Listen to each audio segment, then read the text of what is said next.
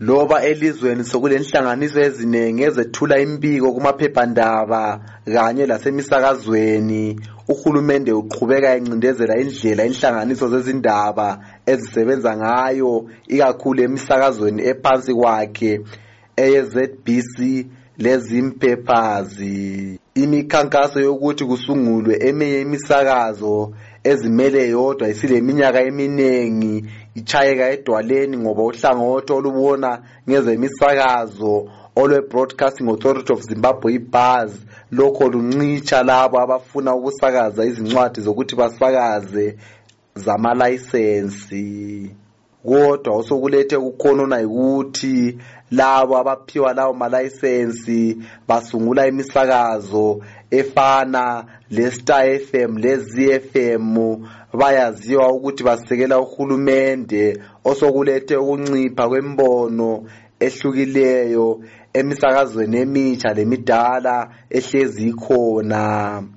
Ofundisa ekolishini lemiguel state university msu umnumzana brian kiwane uthe uhulumende lokho emadolonzima ukuvulela amathuba emisakazo elemicabango etshiyeneyo lowakhe. Udubo esilalo ezimbabwe ngelokuthi uhulumende uyathatha isikhathi sokuthi akhulule ukusakaza lapha ezimbabwe. Singakhangela ama-radio stations aphiwa imvumo yokuthi asakaze.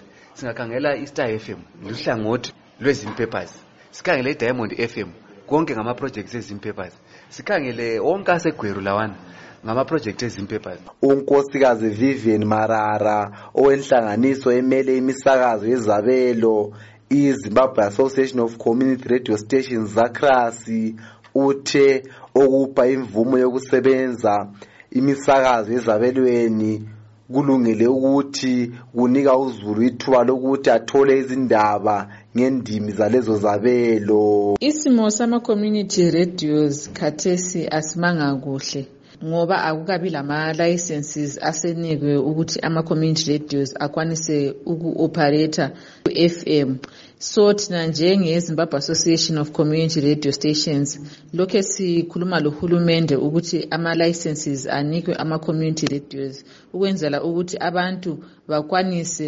ukubroadcaster indaba abazifunayo besebenzisa ama-languages abafunayo. Inhlanganiso ebona ngokuziphatha kwentatheli izindaba kanye lemisakazo e-voluntary media council of zimbabwe vmcz ithi ilethemba lokuthi lokhu kuzakwenza intatheli izindaba zisebenze zikhululekile kodwa ikhathazeke ngokuhlukunyezwa kwazo lapho ziqhuba umsebenzi wazo ikakhulu ngamapholisa lenkokheli yamabandla ezombusazwe.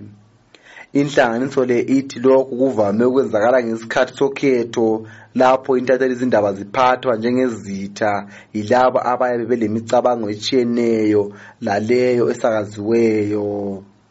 Umqondisi wale nhlanganiso umnumzana loft dube uthe uhulumende kumele adale umumo okhuthaza ukusebenza kwentatheli izindaba zingahlukumezwa uma ukhangela indlela intatheli izindaba ezisebenza ngayo kuleli elezimbabwe akula lutho ogqukile osokuguqukile ngama-statement esingathi ngama-statement avela kuhulumende asitshela ukuthi bazontshintsha indlela intatheli izindaba ezisebenza ngayo. Kodwa loba imisakazo kazulu ilephutha lokuthatha icele likahulumende ingcwethi emsakazweni umnumzana john masuku uthi lesi sitha sesivame lasemaphephandabeni azimele wodwa lapho intatheli izindaba zikhanya seziloba indaba zithatha icele lamabandla aphikisayo kwezombusazwe. Umasuku uthi lokho akusoze kusize uzulu ngoba kwenza indaba eziphuma emsakazweni kumaphephandaba la zingathenjwa. Indaba yokuqeda ukusabalala kwendaba zamanga kumele isetshenzwe ngabantu bonke ikakhulu intatheli izindaba zonke. Intatheli izindaba ezizimele zodwa lazo kumele zingakhethi ihlangothi. Kumele zikhulume iqiniso njalo zingaze zaba zintatheli izindaba zokuphonga usola kuphela. Kodwa ukubuya kwenkundla zebulenjini sokusize kakhulu ngasikhathi sinye kuphazamisa ukwethula kwembiko zintatheli izindaba kanye lozulu ezinye ezimqotho ezinye kungamanga.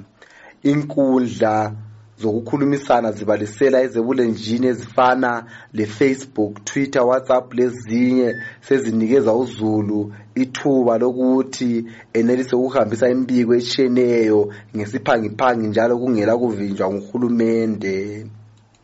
Ufaith ndlovu eyinye intatheli izindaba ezimbabwe uthi ukuza kwenkundla lezi sokuncede intatheli izindaba ukuthi zithole indlela ezikhululekileyo zokuhambisa imbiko masinya. Ukubuya kobulembu njengomthatheli wezindaba kuyasinceda or kwasinceda ngokuthi ukuthi sithole indaba khathesi sokulula.